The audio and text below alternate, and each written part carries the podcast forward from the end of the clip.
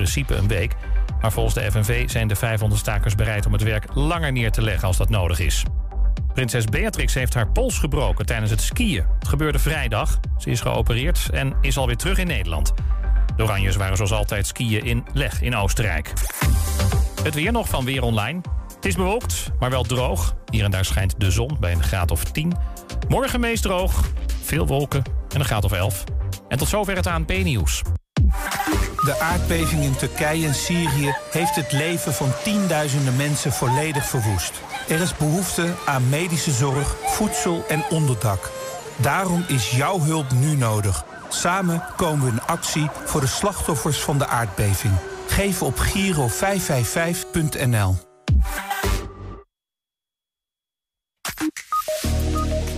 Coberco, rammelende melkbussen, zoemende elektrische wagentjes van Spijkstal die tinkelende melkflessen laden en rondbrachten. De koepel van de Enschedeze melkhal echoot het verleden, maar ook het heden. Sergei Rachmaninov werd 150 jaar geleden geboren en stierf 80 jaar geleden. Het is toeval, echt waar. Zaterdagavond bracht de Enschedese Russische pianiste Sofia Vascheroek... een zinderende vertolking van het tweede pianoconcert van de componist. En aanstaande vrijdag is er een vervolg. Vanavond zenden we een nieuwe aflevering uit van Hengelo Spel. Alvast een vooruitblik. En we gaan heel even terug naar de schalen met oliebollen en appelflappen en melkbussen vol gistend karbiet. Het is maandag 20 februari. Dit is 120 vandaag.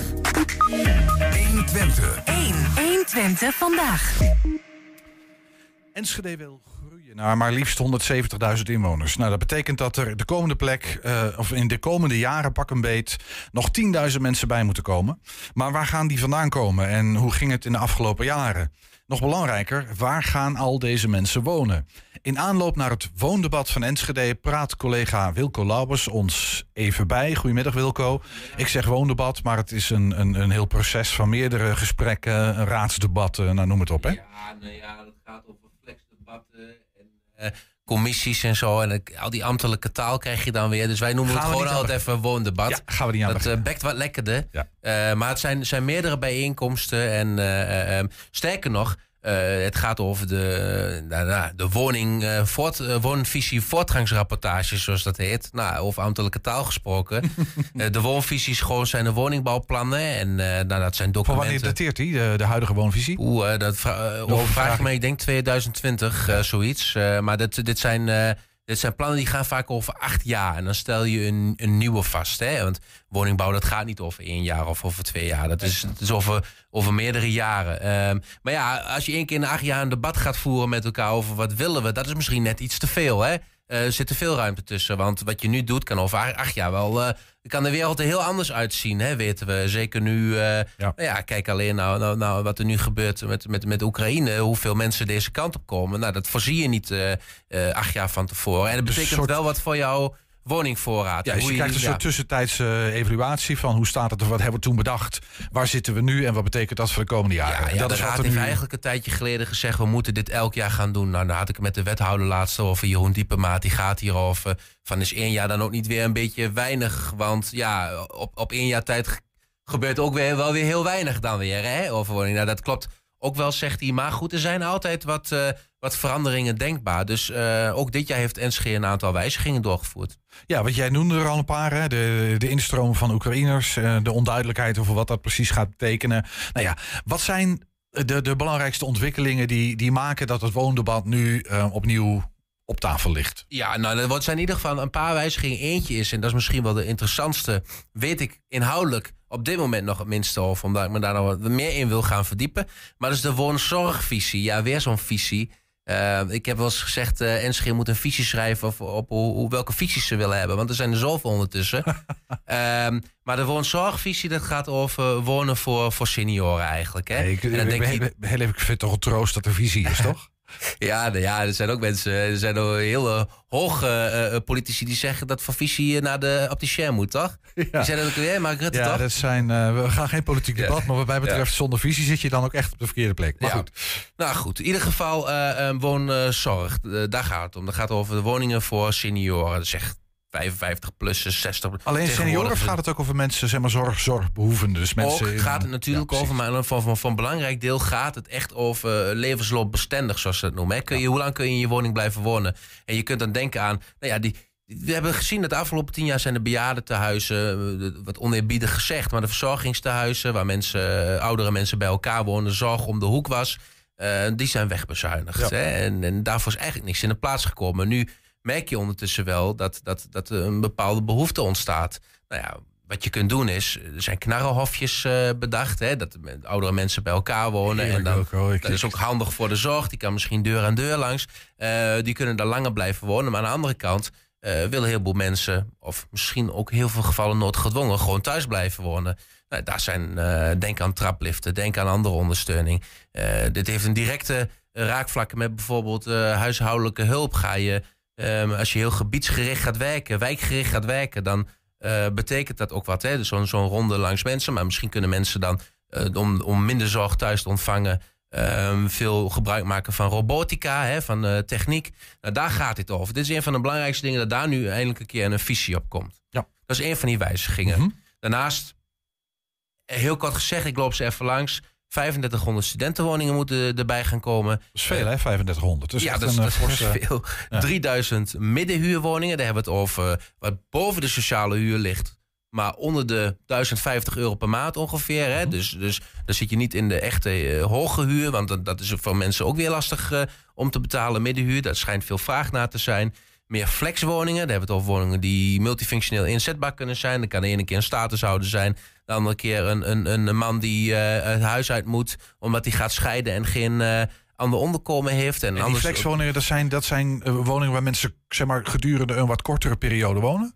Ja, dat is, dat hoeft is dat flexwoning heeft wel die insteek. Ja, Ja, en kot is eh Ja, een rekbaar begrip natuurlijk. Hè? Ja. En 2000 sociale huurwoningen worden er gebouwd. Nou, al met al ehm, valt het allemaal binnen het uiteindelijk. En dat, dat staat al als jaren vast. Heel even, Wilco. Als je zegt 2000 eh, huurwoningen gebouwd. Ja. eh, worden ook huurwoningen gesloopt. Ik denk nu een van Boswinkel eh, dat plat ligt. Dat is 2000 huurwoningen extra bovenop wat we al hadden. Of is dat, Nee. als je er 500 sloopt en je zet er 500, dan bouw je er 500. Heb je 500 gebouwd, maar heb je per saldo ehm, een winst van nul. Heel scherp. En je bent me net even net voor. Want Oh, ik, sorry. ik was net, nee, maar dat is helemaal goed. Eh, onderbreek me vooral. Eh 9300 woningen worden de komende jaren gebouwd. Nou, als je dit allemaal bij elkaar optelt, wat ik net zei, dan kom je al bijna op 9000. Hebben we nog helemaal niet gehad over koopwoningen en over allerlei andere soorten woningen die nog denkbaar zijn. Eh, ehm, ehm, en dus dus dan, dan vraag je al af, nou, dan worden er dan nog veel meer gebouwd dan die 9300 de komende 10 jaar. Ehm, nee, maar dan, dan zeg jij eh, inderdaad terecht, eh, de sociale huurwoning, er komen er niet 2000 bij. Sterker nog, ik denk dat er per saldo gewoon nul eh, mogelijk bij komen. Dat staat niet vast door ergens. Ik, ik zeg dit Maar zelf dat maar is op even. zich, want ik vraag het ook een beetje. Want dat is Ja. best een politieke discussie. Hè? Er zijn partijen die zeggen er moeten echt meer sociale huurwoningen bij. Ja. En er zijn partijen die zeggen, waaronder eh, de partij van de huidige wethouder volgens mij, die zeggen van nou weet je, het aantal sociale huurwoningen Ja. is wel op peil. En ook in de toekomst toe lijkt dat ehm, zo Ja. te zijn. Of het nul is, durf ik eh, niet met zekerheid. Nee, dit, maar dit vul ik even zijn er niet maar- heel veel meer in ieder Nee, geval. kijk naar Diekman, wat daar nu gebeurt. Er gaan oude woningen weg, komen nieuwe terug. Maar komen er wel minder terug. Kijk naar Boswinkel. Er gaan oude woningen weg, komen er nieuwe terug. Maar het zijn er wel minder. Als Tegelijkertijd worden nou op vier plekken tijdelijke eh, woningen gebouwd. Maar voor 20 jaar in ieder geval 200 eh, eh, in totaal sociale huurwoningen. Dus dat heft elkaar weer een beetje op, denk ik. Als ik jou vraag, eh, Wilco, want jij eh, zit een beetje in deze materie cijfers. Je hebt ook een beetje in de demografie gekeken. Ontwikkelingen van de afgelopen jaren. Ehm, moeten er sociale huurwoningen bij of niet? Eh, ja, nou ja, als je kijkt naar de samenstelling van Enschede, denk ik dat, denk ik dat eerlijk gezegd wel. Maar je kunt er op twee manieren naar kijken. Hè. Eh, je hebt eh, eh, op de linkerflank, ehm, zeg ik maar even zo, hè, PvdA, SP, die zeggen meer, meer, meer, meer sociale huurwoningen. Want PVV valt daar onder, overigens ook onder, onder die partijen. Want kijk eens naar de samenstelling van die bevolking. Hè. Dus Enschede is, dat weten we allemaal, een wat armere stad.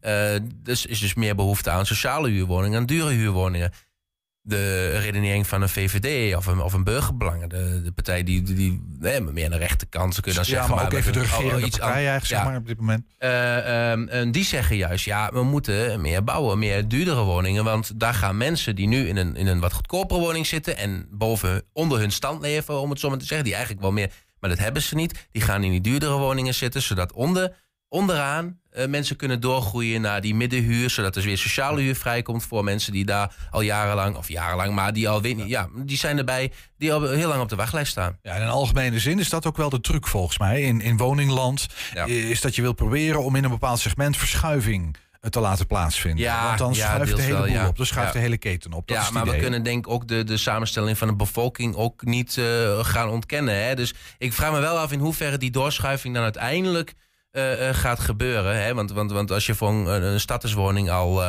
nou ja, dan kom ik met mijn nou, toch niet heel slechte salaris al niet meer voor in aanmerking. Nee, dus de last, ja, dat, dat gaat niet.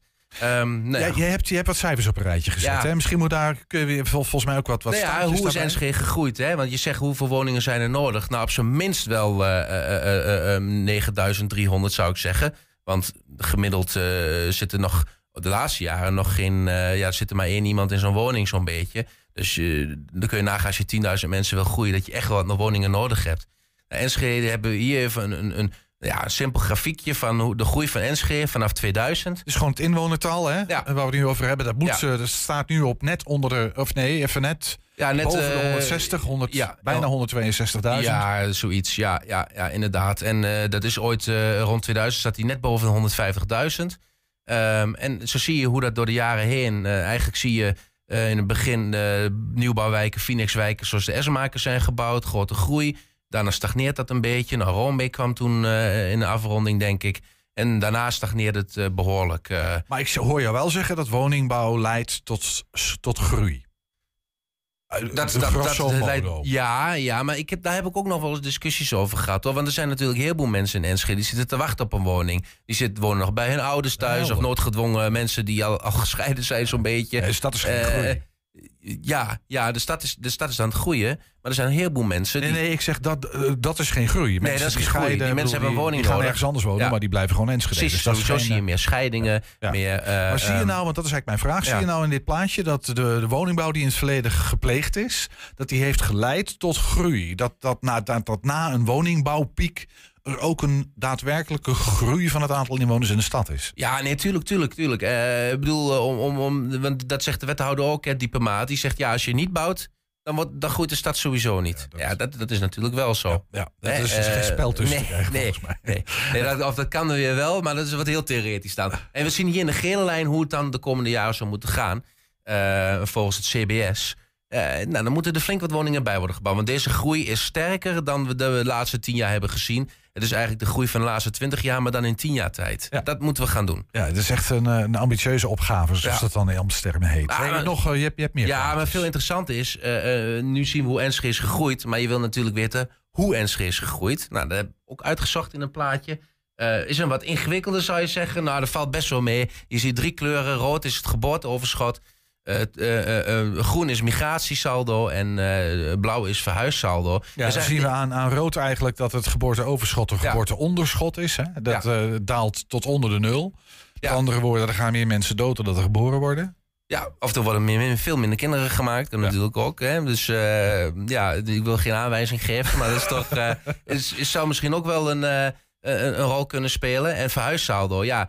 Kijk, je kunt op drie manieren groeien als stad. Dat is, er worden meer mensen geboren dan er doodgaan. Eh, er komen meer mensen hier wonen vanuit een andere gemeente dan dat er weggaan. Ja. En drie is, er komen meer mensen vanuit het buitenland hier. En Want dat is een, echt een ander cijfer. eh, dan dat er naar het buitenland gaan. En eigenlijk deze drie cijfers heb jij hier op een kaartje, op een Ja. grafiekje gezet. En wat we zien, is dat in de afgelopen jaren ehm, eh, de, dat we de groei, die komt niet uit geboortes. Integendeel, dat leidt tot krimp. Ja. Ook verhuizen leidt niet tot groei. ook dat leidt tot dalend. krimp. eh, ja, Dus steeds met andere verder woorden, hè. verhuizen meer mensen uit Enschede dan dat er in Enschede verhuizen.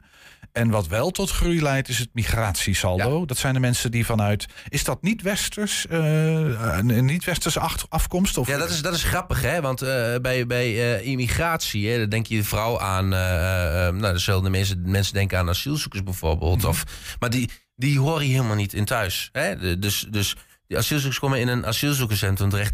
Die, heeft Enschede niet of nog niet. Ehm, ja, we hebben een kiezersnoodopvang, maar dat is net even iets anders. Ja. Ehm, statushouders, ehm, die komen vanuit een andere gemeente. Die zijn al ingezetenen van Nederland. Dus die zitten bij andere cijfers in. die zitten bij dat verhuissaldo in dan Ja, feitelijk? Precies, de, hier gaat het echt puur om, om, om mensen die los van die eh, categorieën hier komen. Waar hebben we het dan over? Studenten, Eh, een stukje arbeidsmigranten, als ze hier langer dan vier maanden blijven. Kennismigranten, experts vallen er ook onder. Uh, maar ik denk vooral veel uh, studenten ook. Een stukje gezinshereniging, dat zie je wel natuurlijk. Uh, um, de cijfers die van, van bijvoorbeeld Irak zijn of, of, of, of die landen, dat, nou, dat zal, dat durf ik bijna te zeggen, dat is allemaal gezinshereniging. Maar dat zijn, een, dat zijn echt hele kleine aantallen. Dat is per jaar misschien tien of zo in, op Enschedese schaal. Dat is echt heel weinig. Dus wat we hier zien is dat de groei veroorzaakt wordt door studenten, expats, kennismensen en een paar mensen die hier wat langer dan vier maanden werken. Ja. Dat veroorzaakt een groei. Ja. Dus het gaat niet over niet-westerse allochtonen die naar Enschede komen. Dat heeft niks uh, Die zitten er wel in, maar uh, um, in beperkte mate. Misschien omdat we. Dus aardig om naar het volgende plaatje te kijken. Mm -hmm. Want ook dat uh, kun je uitzoeken. Ja, dit is een heel ingewikkeld plaatje. Maar om even dingen in, in beeld te schetsen uh, immigratie. Dat zijn vooral Nederlanders die terug naar Nederland gaan. Nu moet ik wel zeggen, er gaan meer Nederlanders weg dan dat er terugkomen, nog altijd. Maar uh, bij immigratie hebben we het dus vooral over Nederlanders en over Duitsers. Uh, want die staat op nummer twee. En het gaat het dan, nou ja, wat zal het zijn, gemiddeld 400 per jaar. Hè? En hebben we het over, dit is Enschede. Waar dit is puur Enschede waar we het over hebben. Precies. Ja. ja. Um, het volgende plaatje, daar heb ik even uh, een top 5 buiten Nederland en Duitsland gemaakt. Um, en dat plaatst het iets meer in perspectief. Dit zie je over de afgelopen tien jaar. Wat zie je? Vooral Roemenen. En die waren tien jaar geleden nou, nauwelijks in beeld, zou ik bijna zeggen, maar veel minder in beeld. Ja, dan hebben we het nu over vorig jaar, nee, 2021 moet ik even goed zeggen. Ja, dat zijn de laatste cijfers die we kunnen hebben. Roemenen die zich in Enschede hebben ja. gevestigd. Interessant ook de dip die je ziet in 2020, dat is corona. En de enige waar een piek is zijn Nederlanders. Die zijn juist meer teruggekomen in dat jaar. Nou ja, ook waarschijnlijk om dezelfde reden, om hier te kunnen zijn in afwachting van... Uh, lockdowns en al die dingen. Ja. Um, maar ja, je ziet Roemenen, Indiërs, Chinezen, Indonesiërs. Ja, er gaat ook voor mij nog een wereld op, Ernst. Want uh, ik wist helemaal niet dat uh, Indonesiërs zo'n belangrijke groep aan het worden waren in Enschede. Het zijn er 150, hè? 2021. Uh, ja, ja, ja, en dan zeg maar, als je dat elk jaar doet, nou ja, gemiddeld 100 per jaar. Nou, dan, dan, dan is het wel behoorlijk wat. Um, Spanjaarden staan er ook nog tussen, zeg maar. Ja. Dus ja, dat, dat, is, dat geeft wel een interessant beeld. Dit zijn, dit zijn voornamelijk overigens studenten, dus ook Roemenen. Ik zat nog even te denken, nou, dat zou wel arbeidsmigratie tussen zitten. Zeker, is bij Polen en Bulgaren ook. Uh, en dan heb ik het even over landelijke cijfers. Zal in Enschede niet heel anders zijn. Ook het geval. Maar, nou ja, Enschede heeft zelfs een Roemeense studentenvereniging. Er zitten ook heel veel studenten tussen. Ja. En uh, kennismigranten, daar hebben we het ook over China of India. Dat zijn uh, wat ouderen. Maar het zijn vooral studenten, omdat ik ook naar leeftijdsgroepen heb gekeken. En ja, en de leeftijd van studenten en, en jongvolwassenen, om het zo maar te zeggen. Uh, die zijn uh, overduidelijk. Ja, hey, ik heb nog een paar vragen. Want uh, wat, nu even terug naar die doelen van de gemeente. Ja. Um, hoe, hoe verhoudt zich dit tot waar de gemeente naartoe wil? Nou ja, in principe zegt dit: het kan helemaal geen kwaad is om die studentenwoningen te bouwen. Want we hebben gezien dat ja. daar een belangrijk deel van de groei vandaan komt. Misschien uh, voor experts ook wel wat. Al weet ik niet of die een heel specifieke woonbehoefte hebben. Nou, er zou misschien flexwoningen ook iets kunnen zijn. Hè? Of uh, een vorm of, daartussenin. Um, maar die studentenhuizen kan zeker geen kwaad. Maar ik, ik, ik vraag me wel af. Enschede wilden ze met 10.000 mensen extra groeien. En ik denk dan aan de ambitie van de UT om niet 10.000, maar 20.000 studenten uiteindelijk hier te hebben. Nou ja, de 1 en 1 is 2 zou je kunnen zeggen. Dat vult elkaar mooi aan. Maar ik denk dan wel, is dit hoe Enschede wil groeien? Nou ja, tegelijkertijd leven dus die landelijke discussie... of we überhaupt wel zoveel buitenlandse studenten uh, moeten opnemen. Die discussie hè? ook. Die discussie ook. Uh, uh, maar plus, wil je, wil je... Het is eigenlijk een... Ik zou bijna wel zeggen, het is een soort schijngroei. Omdat heel heleboel...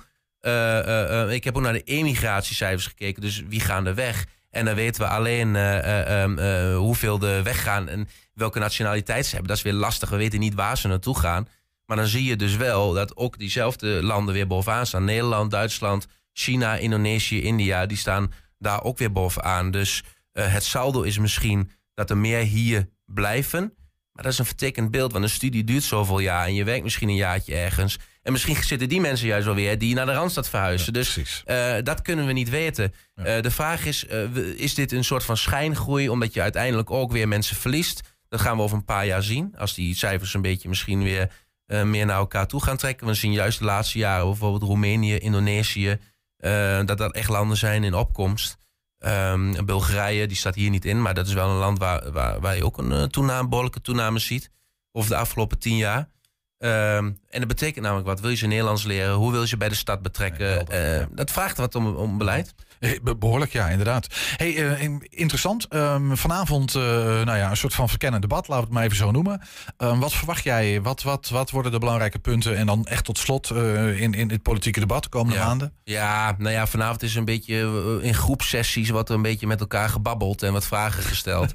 Het is niet echt debat. Het gaat over de woonzorg. Dat is gewoon heel agenda. informerend. Hè? Dat ja, gaat, ja, ja, gaat onder andere over die maar wat woon- worden de speerpunten van het politieke debat in de komende paar maanden? Nou, ik denk sociale huur gaat zeker terugkomen. Want dat is een item, daar, daar zijn ook binnen de coalitie best wel wat verschillende smaken in. Hoewel ze wat meer tot elkaar zijn gekomen, maar er zitten echt wat verschillende smaken in. Dus dat sociale huur, dat dat meer moet of dat er meer nadruk op moet liggen, zeker een ding. Een ander ding is inderdaad senioren. Hoe ga je daarmee om? Hoe ga je zorgen dat die woningen...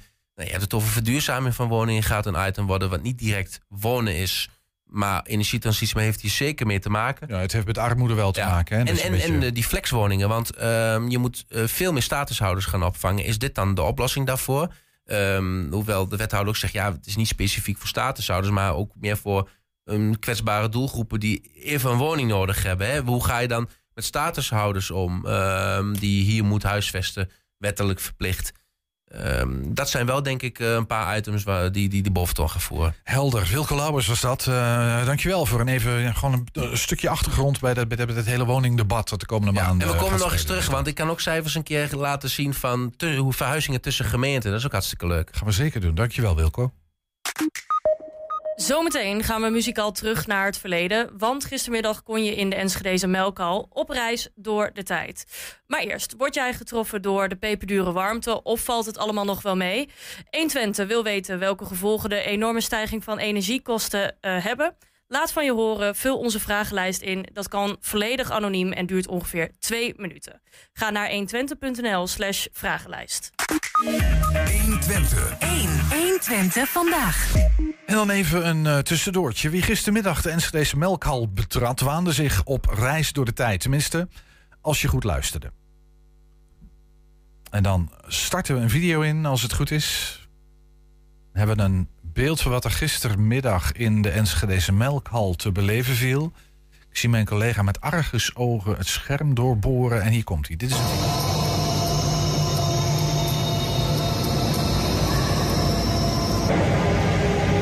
verdeeld over drie etages. Daaruit komen geluiden die gebaseerd zijn op het verleden en het heden van oude pand. Ooit een fabriek waar miljoenen liters zuivel werden gemaakt. Nu een bedrijfsverzamelgebouw met horeca en een supermarkt. Zelfs de klanken van de bezoekers die er zondag waren werden opgenomen en zijn daarna onderdeel van het geluidslandschap. Het werk is gemaakt door conservatoriumstudenten en zij zeggen zelf daarover: vinden het belangrijk om mooie dingen uit de geschiedenis te koesteren. En daarom hopen we dat er niet alleen een commerciële toekomst is voor dit gebouw, maar dat er ook plaats is voor andersoortige projecten die je nieuwsgierig maken naar deze ruimte. Ehm, hoe de geluiden tot, tot, tot stand kwamen, dat lees je in het artikel dat onze collega Niels Veuring schreef op 120.nl. Zometeen bellen we met collega Niels Veurink om even vooruit te blikken op de uitzending van Hengelo Spel vanavond. 1 120 vandaag. Sergei Rachmaninov met tijdgenoot Tchaikovsky, een van de invloedrijkste en meest geliefde Russische componisten. Ehm Rachmaninov zag 150 jaar geleden het levenslicht en stierf 80 jaar geleden. Hij werd dus 70 jaar oud. Ehm, in 1917 ontvluchtte hij zijn vaderland en de terreur van de Bolshevisten, we weten dat nog wel, de Russische revolutie destijds. En hij keerde daar nooit meer naar terug. Het Enschede's Russische pianistenkoppel Sofia Vacheruk en Andrei Nesterenko brengen een ode aan de man, um, aan, aan, deze man, Rachmaninov, in een uitzonderlijke tijd.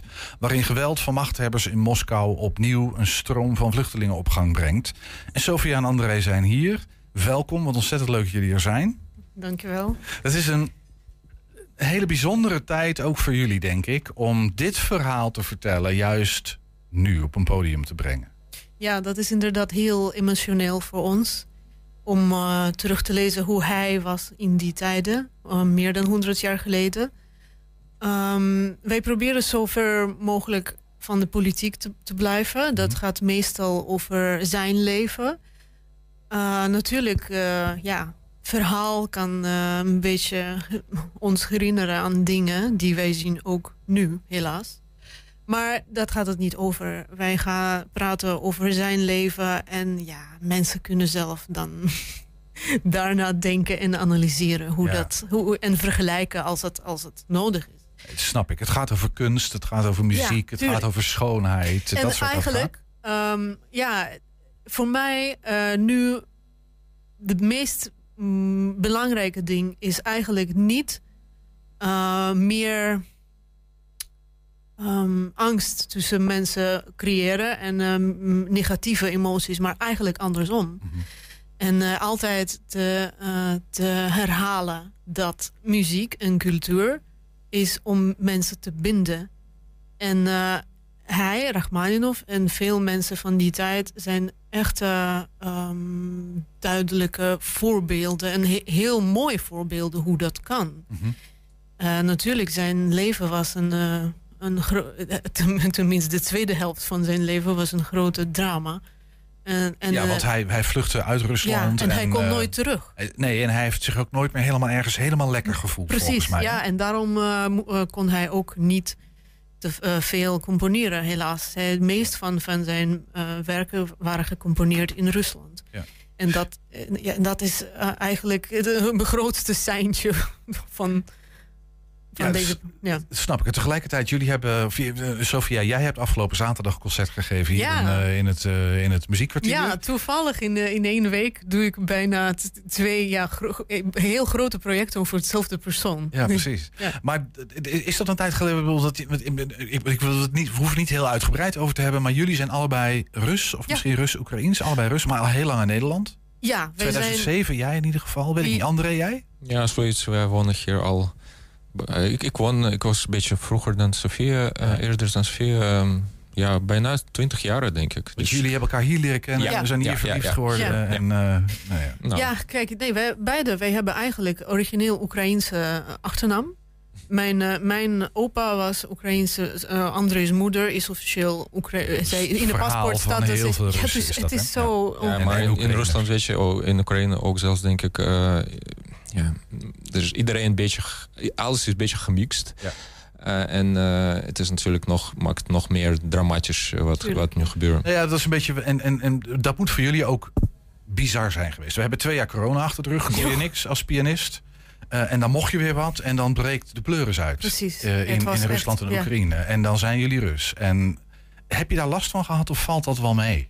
Bijna niet. Ik moet zeggen, eh, wij zijn eh, heel gel- gelukkig omdat wij hebben zoveel vrienden en ondersteuning gekregen van verschillende mensen. En eh, zelf moet ik zeggen, in de afgelopen zomer heb ik m- meest Russische concert van Tchaikovsky gespeeld in Italië. Daarna in Mexico heb ik Prokofjev gespeeld. Nu in Enschede en Rachmaninov. Dat zijn allemaal echte Russische componisten. En ik ben zelf Rus. En dan heb, had ik nooit gevoel dat eh, iemand was tegen of zoiets. Gelukkig niet. Dat Ik, hoop, ik hoopte dat zou zo blijven. Ja, dat hoop ik ook. Dat hoop ik ook. Eh, de, de muziek verbindt, dat gaf je al een klein beetje aan. Hè? En, en tegelijkertijd, ja, je brengt deze. Dit zijn nu twee concerten in Enschede. In, in deze periode. Over Ja. een Russische componist. Uitgevoerd door Russen. Er ligt natuurlijk een lading op. ja, Eh, ja. Nou, ik, was er, ik was erbij afgelopen zaterdag. Het zat ramvol. Nou, ramvol is niet helemaal waar, maar het zat hartstikke vol. ja, ja. Bijna helemaal vol. ja. Ik zie jullie allebei stralen. Ja, jij was er ook, André. Je hebt niet meegespeeld, maar je zat op het balkon volgens mij. Ja, ik, Bijna, dat komt nog. bijna meegespeeld. Volgende week. Ja, je, eh, aanstaande vrijdag. Ja, de- deze week, ja, ja, ja, ja. precies. Hoe, hoe, hoe was het afgelopen zaterdag? Ik kan wel zeggen wat ik ervan vond, maar... Het eh, was, het was, eh, het was gewoon een, een grote droom die, die was opeens gewoon gerealiseerd. Ik was ontzettend blij. En eh, want dit, was dit dan al een oudere droom voor jou om dit te doen? ja, ja, voor jij, jij bent initiatiefnemer, hè? daarom kijk ik jou even aan, Sofia. Ja, ja, Ja. Nou, ja, nee, ja, dit is allemaal. eh, maar jij bedoelt nu de derde concerten die hebben Ja, gespeeld. Ja, ja. ja. ja, dat, was, dat was echt eh, eh, lang gepland.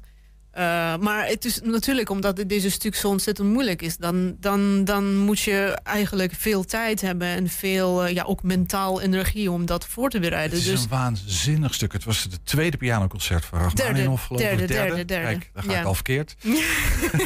derde, ja, Heel goed dat je me corrigeert. Maar waanzinnig moeilijk en ongelooflijk groot en weer heel Ja. klein. Ja. Super snel op een aantal momenten. Ja, ja, je ja, hebt al ja. je tien vingers nog.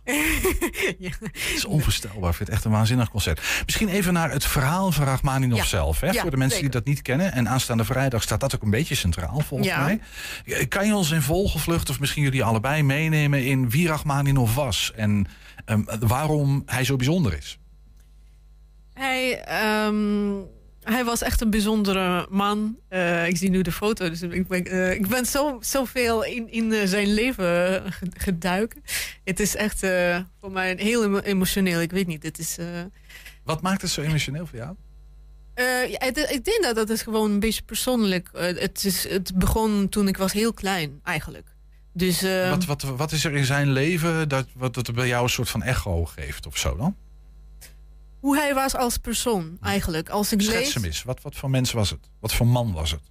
Hij was heel, ehm, van één kant heel eh, gereserveerd, eh, maar tegelijkertijd hij had een, een hele goede ehm, sense, of, sense of humor. Hm? Het? Een gevoel voor humor? Ja, ja, ja, ja.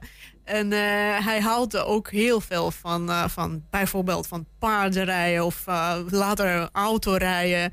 En hij was echt, hij, hij hield heel van lachen en van vrienden. Maar tegelijkertijd, hij was echt dol op zijn werk. En hij kon echt zo lang en intens, intens werken. Hij, zijn eerste opera heeft hij in twee weken geschreven. Dus het, hij was gewoon van, van alles. Dus Het is het monomaan bijna. Ja, ja, In twee weken een complete opera ja, precies. Dus En hij was heel jong toen. Dus, en hij was echt gepassioneerd over zijn professie. Maar eigenlijk over alles. Over zijn kleinkinderen, over zijn kinderen, over zijn vrouw, over zijn professie. Maar tegelijkertijd zo'n eh, van, van, van de mm, buitenkant zo gereserveerd en zo'n educatief en eh, aristocratisch. En dus het is intellectueel natuurlijk. heel, ja, ja, ja. Dus d- d- ook een belangrijke reden waarom hij weg moest uit Ja. Rusland. Eh, Intellectuelen werden, precies, ja, ja. werden vervolgd. Ja, Eh, ja. Niet erg geliefd onder de Bolsjewieken destijds. ja.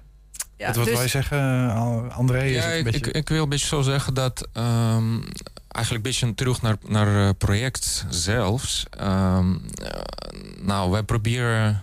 Ja, eigenlijk wat, wij, wat je vraagt over Rachmaninoff, wie is de persoon en wat was een beetje. Dat is wat precies gaat gebeuren op vrijdag. Oké, dus daar moeten we niet al te veel over Nee, vertellen, nee dat bedoel ik niet, maar eigenlijk dat is de bedoeling van, van het project. En dit te vertellen, Ja, hoe om- hij was. Ja, oké, ja, en de project is dus de verhaal ehm, eh, gebaseerd op eh, boek, uh, een boek.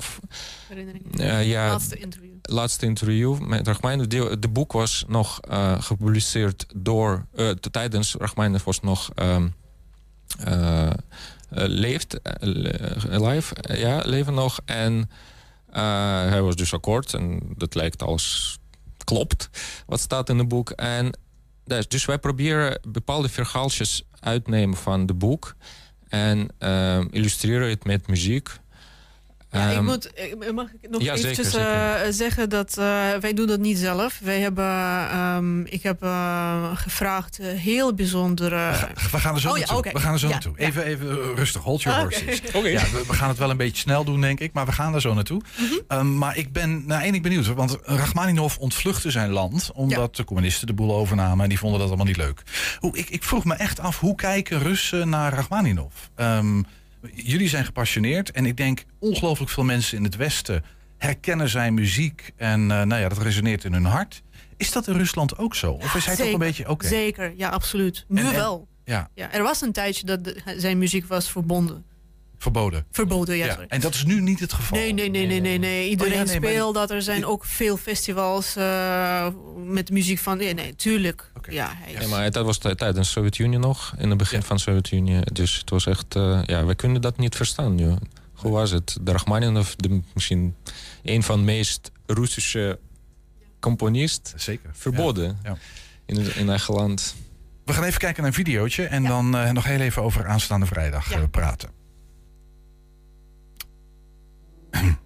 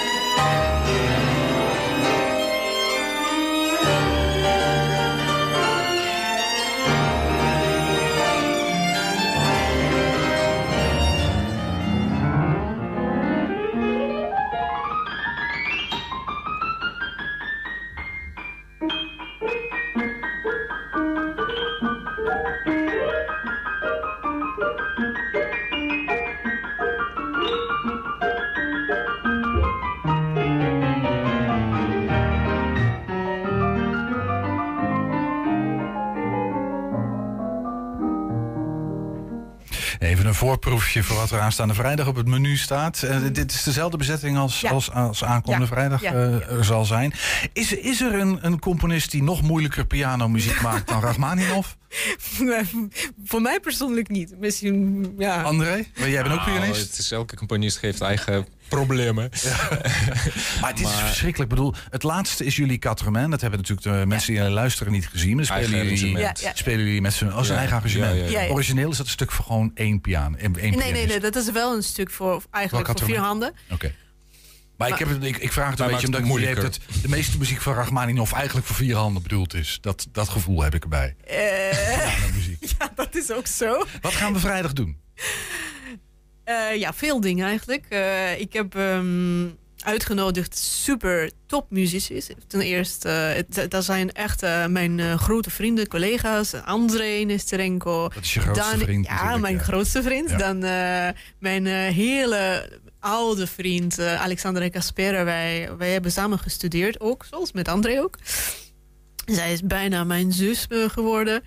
Zij speelt cello. En wij, ja, wij, wij, hebben, wij hebben de vast duo. Eh, en zij is ook helemaal dol op Rachmaninoff. En eh, verder, fantastische violist eh, Daniel Roland.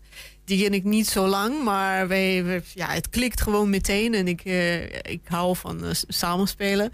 En wij doen ook iets van duo, iets van trio. Dus het, zal heel, heel interessant en mooi zijn. En ehm, Anna Emilianova. Dat is een Russische zangeres. Zij woont in, in Maastricht. Eh, zij werkt daar in de Maastrichtse opera. Maar zij komt ook origineel uit, Moskou. En wij hebben eigenlijk in dezelfde school eh, gestudeerd. Eh, zij was iets eerder afgestudeerd. En toen zij kwam hier, zij was eigenlijk pianist. En nu zij zingt. Eh, Zij is de vrouw die we net hebben horen ja. zingen ook. Ja, precies. Ja, ja. Hey, en, eh, hebben jullie er een verteller bij of een presentator? Precies, en die vertelt iets van het leven van en dat is-? Ja, dat is een heel bijzondere persoon. Eh, Leo Samama, hij is muzikoloog en de componist. Ja. En eh, ik was ontzettend blij dat eh, hij was. eh, hij, hij ging mee met, met ons in deze verhaal. En hij was ook heel enthousiast. eh, en hij, hij, hij heeft enorm eh, veel ideeën. En eh, het is, we hebben één keer al gepraat. Eh, over Dus vrijdag is de eerste keer dat jullie het programma gaan brengen. Eh, dat is eigenlijk de tweede, Tweede keer. keer. De eerste keer hebben wij dat iets kleiner eh, gedaan. maar dit is nu met deze verteller erbij. Ja. En voor hem is het Ja. nieuw. Vrijdag, hoe laat, waar, waar kunnen mensen kaarten krijgen? Waar moeten ze zijn? Het is in het muziekcentrum, Arkezaal. Of ja, Willeming Theater, Kleine Zaal. Het is hetzelfde naam volgens mij. Ehm acht uur, vrijdag. Ehm, kaartjes zijn eh, online beschikbaar.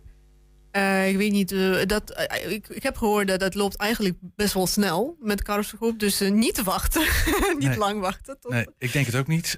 Aanstaande vrijdag, 8 uur, Ja. Wilming Theater, Kleine Zaal, Arkenzaal. Let Ja. op, dat is de kleine zaal. Dus mensen die dit horen of die dit zien en zeggen... ik wil erbij zijn, denk ik, mijn gevoel is ook, doe dat snel. Ja, De en we- grote zaal zat bijna vol afgelopen zaterdag. en het zou zo. mij niet verbazen als je straks geen kaarten meer kan krijgen. ja, Sofia Vasjeroek en André Nesrenko, dank jullie wel. En heel veel plezier alvast eh, aanstaande vrijdag. hartelijk dank.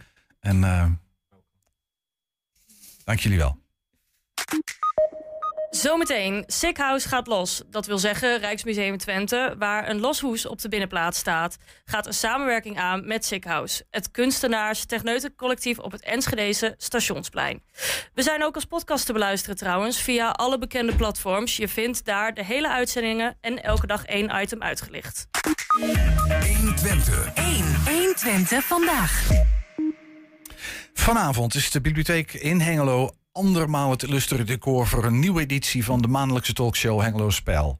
Collega Franklin Veldhuis weet, dat hopen we tenminste, wie en wat er vanavond op de leeslijst staat. Franklin, hallo. Goedemiddag. Hey, Eh, fijn dat je er bent. Hey, wat gaan we doen vanavond? Waar gaan we het over hebben?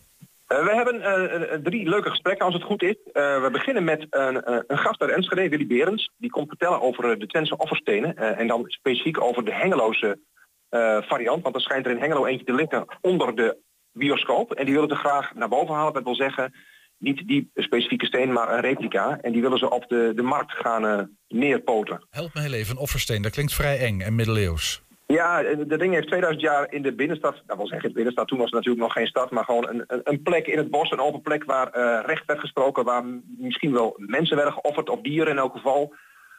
Ja, ehm, dat ding heeft daar 2000 jaar gestaan. Daar hebben missionarissen op gestaan, denken ze, in de, in de jaren daarna.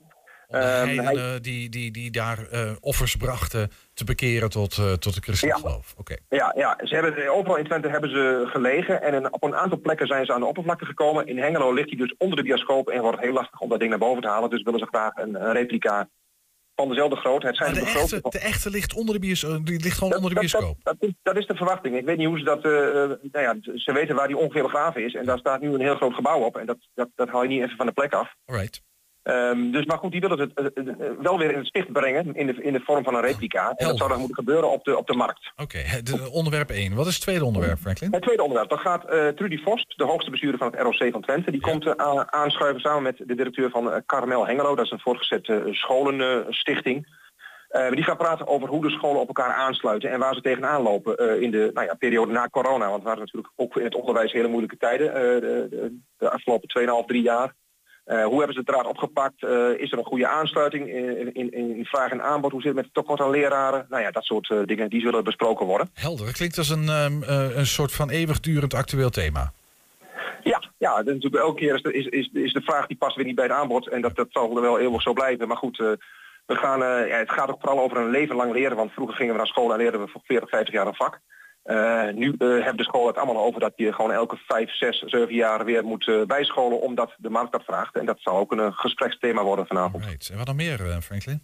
Het laatste grote gesprek dat we hebben is met de kinderboerderijbeheerder van het Weusthag. samen met iemand van de, de, de vereniging Vrienden van het Weusthag. Daar gaat het, eh, we kwamen te spreken met iemand van, het, eh, van de kinderboerderij toen eh, het verhaal in het nieuws kwam dat de herten daar moeten verdwijnen volgend jaar. Dat wil zeggen, er mogen geen nieuwe herten worden ge- aangeschaft, want dat wil de minister niet. Waarom Herten in wil de minister dat niet, Franklin? Waarom ja, dat, dat, is, dat is, een, ja, een verhaal, dat zijn de, de meningen zeer uiteenlopend over. Maar ehm, ja, de, de minister en zijn ra- raadgevers die vinden dat herten niet achter een hek horen. Want mochten ze de, de, gekte in de kop krijgen, mochten ze, nou ja, vooral in het voorjaar denk ik, als ze uh, bronstig zijn zoals dat heet, dan eh, zou het wel eens kunnen zijn dat ze gevaarlijk worden, dat ze de mensen in het park eh, eh, ja, eh, gevaar aandoen. Oké. Eh, En, en nou ja. welke, maar dan ben ik even heel benieuwd. Hè, want eh, mij moet je ook niet achter een eh, hek zetten als ik bronstig ben. Dan word ik ook gek. Dus dan kan, maar nee, maar even, maar- maar wie heb je aan tafel? Zijn dat, zijn dat de mensen van het hertenkamp zelf? Die zeggen we de Ja, beesten dat- moeten blijven? Ja, dat is de, de kinderboerderijbeheerder die vindt het echt van de zotte dat dit, eh, dat dit gaat gebeuren. Maar goed, eh, het is niet anders. Toen we, en toen we hem daarover spraken vorige maand, toen zei hij, nou ik heb nog een paar andere dingen die ik graag even op tafel wil gooien over, eh, over mijn kinderboerderij. Ehm, en hij, er zijn wat dingen gaande die, die schieten wat hem betreft niet snel genoeg op. De, de, de gemeente heeft allerlei plannen met de kinderboerderij en hij wil eens wel, wel eens weten waar ze precies aan toe zijn als kinderboerderij zijnde. Oké. En Nou, daarom zit er ook iemand aan tafel van de vereniging die daar nog wat meer over kan vertellen. En dat levert hopelijk ook een mooie gesprek op. vanavond, eh, Franklin, hoe laat precies?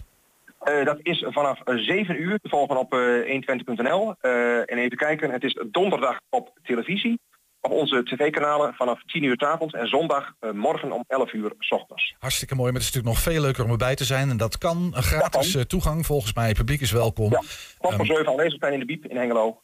Precies, hartstikke leuk. Eh, Franklin Veldhuis was dat. Over Hengelo Spel van vanavond. Dankjewel Franklin. Ja, jij bedankt hè. Zometeen gaan we even nostalgisch doen, eh, Ernst. Leuk. We gaan terug naar schalen met oliebollen en appelflappen. Misschien krijg je er al wat trek van. En melkbussen met karbiet in een nieuwe aflevering van In Depot. En heb je nou een tip voor de redactie? Mail naar info.120.nl 120. 1. 120 vandaag. Het water loopt me in de mond, eh, Joy. Ehm, oliebollen, appelflappen, vriezen. Dat... Ruik je ze? Nou, als je een beetje moeite doet wel, denk Ja, ik. toch hè? heerlijk. Beetje poedersuiker erbij. We gaan eens wat anders doen. We gaan naar het Rijksmuseum Twente. Eh, Als je dat Rijksmuseum een klein beetje kent, dan weet je dat er in de tuin van het museum een los huis staat. Of een los hoes. Ik- Een los hoes. Moet helemaal goed zijn. Daar moet ik echt even over nadenken, zeg. Even eh, zeg maar ongeveer de voorloper van een moderne moederij. Vanaf mei wordt dat onderkomen ehm, voor Sikhouse. De boerderij gaat dan Sikhoes heten en zal een culturele plek worden waar kunstenaars samenkomen, maar waar je ook workshops eh, kunt volgen en meer van dat soort dingen. Nou, aan de lijn hebben we Julia Wolters van Rijksmuseum Twente. Julia, goedemiddag. Hi, goedemiddag. Wat goed dat je aan de lijn bent. Ehm, klopt het een beetje? Het, het, het lushoes, dat wordt Sikhoes. Klopt, we hebben in de achtertuin van Rijksmuseum Twente een eh, oude boerderij staan die in de jaren 30 is verhuisd van de Lutte naar de achtertuin van Rijksmuseum Twente. En eh, nou, die boerderij is een lange tijd gesloten geweest. Maar eigenlijk sinds de zomer van vorig jaar is die weer geopend voor het publiek. En die wordt deze zomer eh, niet het loshoes, maar het Sikhoes. Naar Ja. samenvoeging samen met Sikhouse. Voordat we naar Sikhoes gaan, hè, eh, misschien wat ik zei, het is een soort voorloper van een boerderij, maar dat is het eigenlijk ook, hè, zo'n lushoes. Dat is een oud Twents, een oud Twents waar, waar mensen en dieren in één dak, onder één dak met elkaar samenleefden. Klopt. Het was inderdaad echt een oude boer Twentse boerderij... waarbij ja, mens en dier samen onder, eh, ja, in dezelfde ruimte leefden. En in welke periode stonden die dingen hier in Twente? Oh, daar, daar moet ik je toch het antwoord schuldig voor blijven. Ik ben geen inheemse tukker. Dus nou ja, ik, ik, ik, ben, ik ben half inheems, maar ik weet het, ik moest ook even... Nou, dan gaan we opzoeken, staat vast ergens op Wikipedia. Maar, maar Lushoes is dus een oude boerderij. Sick House, dat is echt iets heel anders. Dat is een café, een soort club voor de alternatieve scene hier in Enschede. Is, is, Ja, moet ik me dat een daarbij voorstellen? Is dat, inderdaad. ja, precies. Is dat, Het dat eh, concept, gaat dat landen bij jullie in, in, in het Lushoes? Of wordt het iets heel anders? Ehm, nou, Stickhouse die organiseert eigenlijk altijd eh, verschillende avonden, waaronder ook filmavonden. En zij hebben ons eigenlijk benaderd om nou ja, de plannen op het stationsplein, daar, daar gaat van alles gebeuren. En eh, ze zochten een externe locatie voor deze zomer. En ehm, daarin gaan ze in samenwerking met ons op iedere eerste zaterdag van de maand een, film, filmavond doen. Waarbij ze verschillende kunstenaarsvideo's eh, zullen laten zien. Daar een heel programma omheen maken met moderation, met gesprekken, met workshops. En eh, nadat die zaterdagavonden zijn geweest, zijn de films vervolgens ook gewoon tijdens de openingstijden van het museum. eh, dus van dinsdag tot en met zondag te zien voor het gewone publiek. Helder. Dus het, het is eigenlijk de, de filmavonden aangekleed met workshops, met eh, gesprek over wat je dan precies ziet. Wat, en, en, in samenwerking met jullie, wat, eh, welke rol hebben jullie daarin? Behalve dan de sleutel van het Leushoes eh overhandigen voor een avond. Nou, sowieso al in de programmering gaan zij ook heel erg kijken naar wat wij op dat moment in, de, in het museum wat er te zien is. Zoals in tijdelijke tentoonstellingen als ook in onze vaste collectie. Dus de films die zij uitkiezen zullen ook al in relatie staan tot wat er bij ons te doen is. En eh, naast dat, het, eh, ja, dat wij inderdaad ergens natuurlijk de sleutel aan hen geven, eh, zijn we ook een andere samenwerking met hen gestart. We hebben sinds vorig jaar eh, RMT Next, dat zijn eh, avondopenstellingen, waarmee we juist een jonger publiek willen bereiken. Die zijn zo'n paar keer per jaar, dit jaar ook weer vijf keer. En daarmee gaan we met hen nog intensiever samenwerken, waarbij zij ook delen van het programma gaan maken. Ja, Dus dat, dat- kunnen workshops zijn, dat kunnen talks zijn, optredens, kan van alles worden. Ja, en, en er zijn ook al eh, een aantal ehm, eh, exposities geweest hè, in samenwerking met Warp Technologies of Gogbot. Eh, dat is een beetje dezelfde familie, een beetje dezelfde club. Die zijn neergestreken in dat oude VVD-pand of VVV-pand aan Ja, het in het eh, stationsplein. Warpgebouw. En Ja. inderdaad, we hebben ook al Maar jullie zijn best- jullie zijn met best- overkill met ze gewerkt. Ja, precies. Maar jullie zijn Ja. best verliefd op elkaar geraakt in de afgelopen periode, volgens mij. Ja, klopt. En dat is ook eigenlijk omdat eh, ja, het, het zorgt voor een hele leuke kruisbestuiving. Zowel eh, inhoudelijk, qua de programmering, maar ook in het publiek. Want ja, vanuit Chickhouse kijken ze toch met, eh, ja, met een anders perspectief. Vanuit de nieuwe media, meer technologiegericht. En dat is toch weer een andere focus. En dat geeft daarbij ook weer ja, nieuwe inzichten. En ja, tegelijkertijd, we kunnen via hen ook weer een heel ander en ook wel soms jonger publiek aanboren. En dat, ja, ons publiek komt misschien niet zo, niet zo snel eh, ja, in aanraking met veel mediakunst. En op deze manier kunnen we, ja, kunnen we onze bezoekers nog meer, eh, een nog breder scala van kunst aanbieden. Ja, helder. Misschien even tot slot, want als jij zegt filmavonden, dan moeten we niet denken aan de filmavonden zoals die in de VU of in, eh, hoe heet al die, die bioscopen hier in Enschede. Ja, we hebben er veel nu het tegenwoordig. Ja, precies. Nee. Wat, Nee. de- Kan je ons een korte schets geven van wat, je, nou, wat we dan mogen verwachten? Wat, wat, wat voor type films zijn dat? Eh, het zijn vooral eh, nou, films die eigenlijk heel erg passen bij het karakter van Sickhouse. Dus dat zullen zowel arthouse zijn, maar ook BNC-films en klassiekers. En wat waar, waarbij heel erg belangrijk is de interactieve sfeer, die, ja, waar Sickhouse ook wel bekend om staat. Het We hebben het, maar ja, maar we hebben het, wel over, we hebben het wel over cinematografie. Dus over filmfilms. Niet over Ja, videokunst per se. Ook wel. Ook wel. Dat zal er ook zeker in langskomen. Dus het is eigenlijk een mooie mix. Ja. ja. Oké. Eh, eh, Helder. Eh, Joy, jij hebt je microfoon openstaan. Had jij nog een vraag? Nee. Nee, oh, oké. Ik, ik, ik denk, ik zie jou zo. eh, nou, Nee, nou, ik was net kijken. even nieuwsgierig naar inderdaad wat voor films, maar die beantwoordde jij al Ah, eh, voor mij. Dus nou. we zijn al goed op elkaar ingespeeld, Ja, Ernst. we Heel zijn fijn. helemaal op de hoogte. Ja.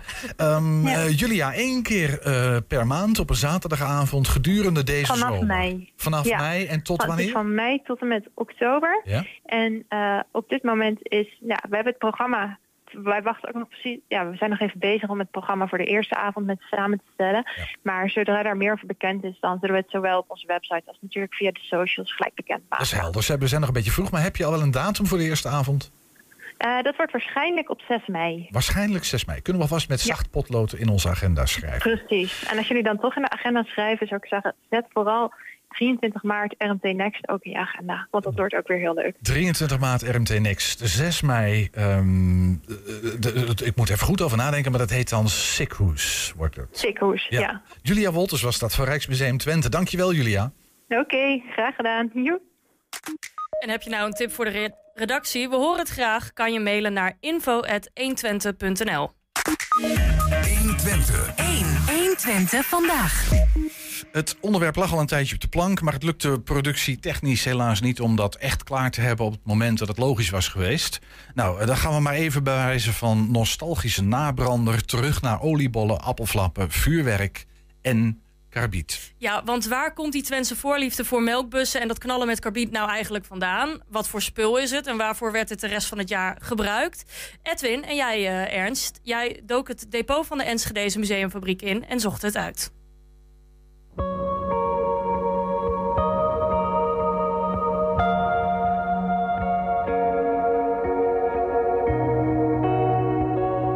Kabitski. Karbietschieten. We gaan Kabitski. Ja, ja, ja. Eh, de- de- deze hebben we in de collectie uit, eh, uit Haaksbergen. Ik zie het, ja. Jaren 70. eh kabietschieten. En toen werd ook nog kabiet geschoten met deksels, hè? Ja, levensgevaarlijk. Levensgevaarlijk. nou ja, de, de, de- Nou, je, ja, moet niet, je- je moet niet overdrijven. Maar het ging wel eens mis. Ja, het kijk, nu, nu probeer je de bal te vangen soms. Ja. En, dit- en, en wat je ook nog had, als je deze erin stopte en hij klemde heel erg, had je ook nog eens dat de bus uit elkaar knalde bus uit elkaar, ja. Want het hele karbiet, eh, dat is pas uitgevonden in 1892.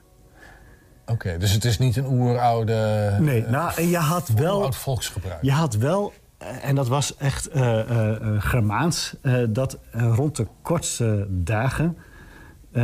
dat er altijd joelfeesten waren. Dus Joelfeesten. joelfeesten. Dus dat werd, ehm, ja, de, de duisternis die werd verjaagd. boze geesten werden verjaagd door lawaai te maken. Door, hè, dat was wel in deze streek en, en is ook wel eens in het verleden, ook wel in, eh, in, in dit, dit deel van Nederland, eh, dat er vroeger kanonschoten gedaan werden rond die periode. Ook om de ja, lawaai te maken. Dus er gaat een verhaal dat het wel een beetje uit de, uit de heidense periode, dat daar vandaan komt.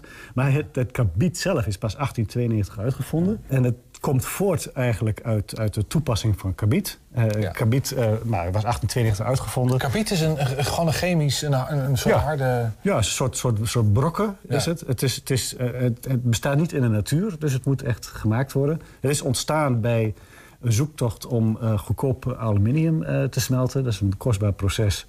En eh, daarbij per ongeluk ontstond het project bij die zoektocht. eh, dat, dat, of dat, dat spul dat ontstond. Ja.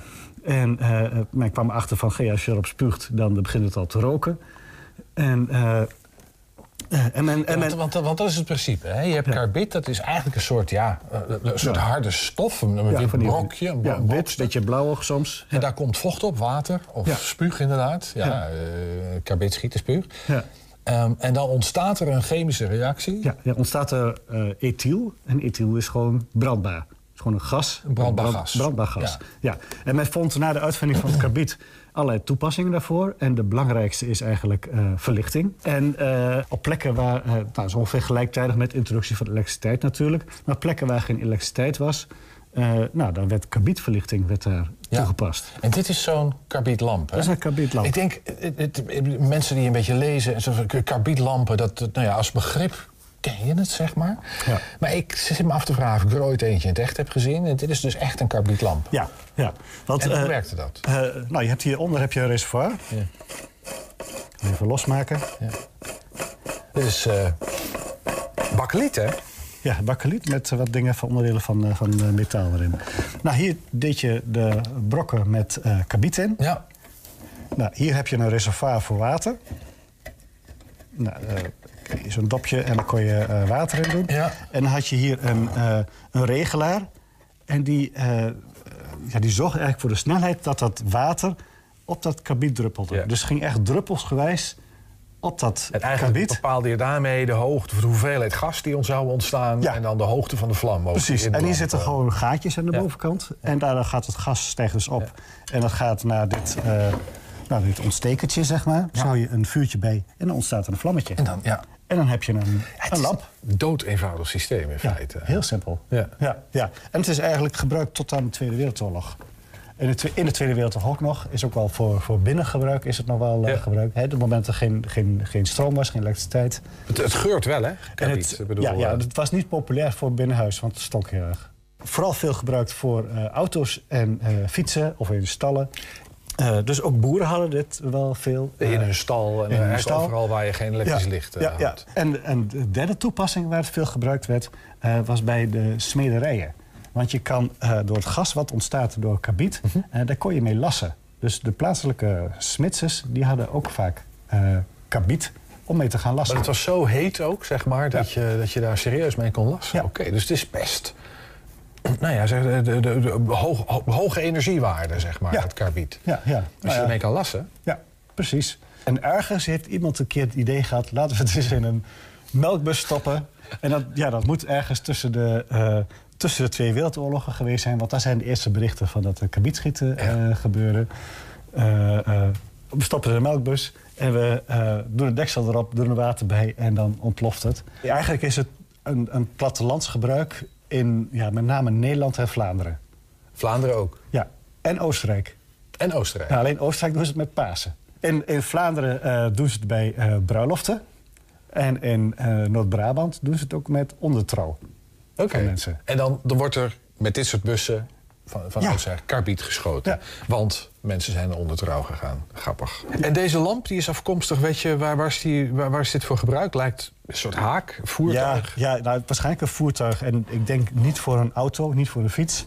Eh, voor een koets, denk ik. Ja. Er reed ook nog veel koetsen in die tijd. Ja.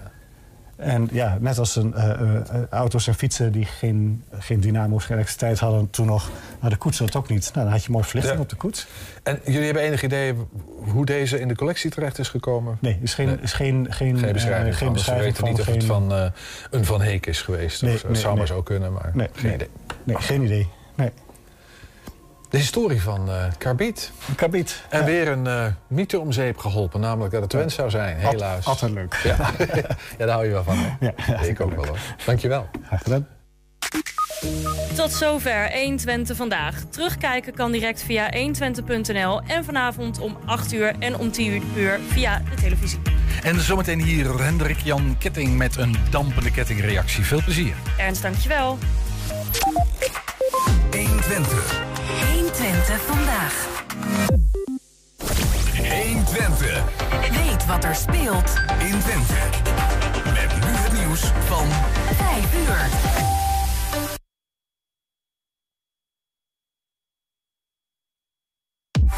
Als een stikstofdiscussie polariseert tussen jou en een goede vriend. Jij begrijpt maar niet dat stikstof op Nee, den duur... jij begrijpt niet dat de boeren Onze natuur onze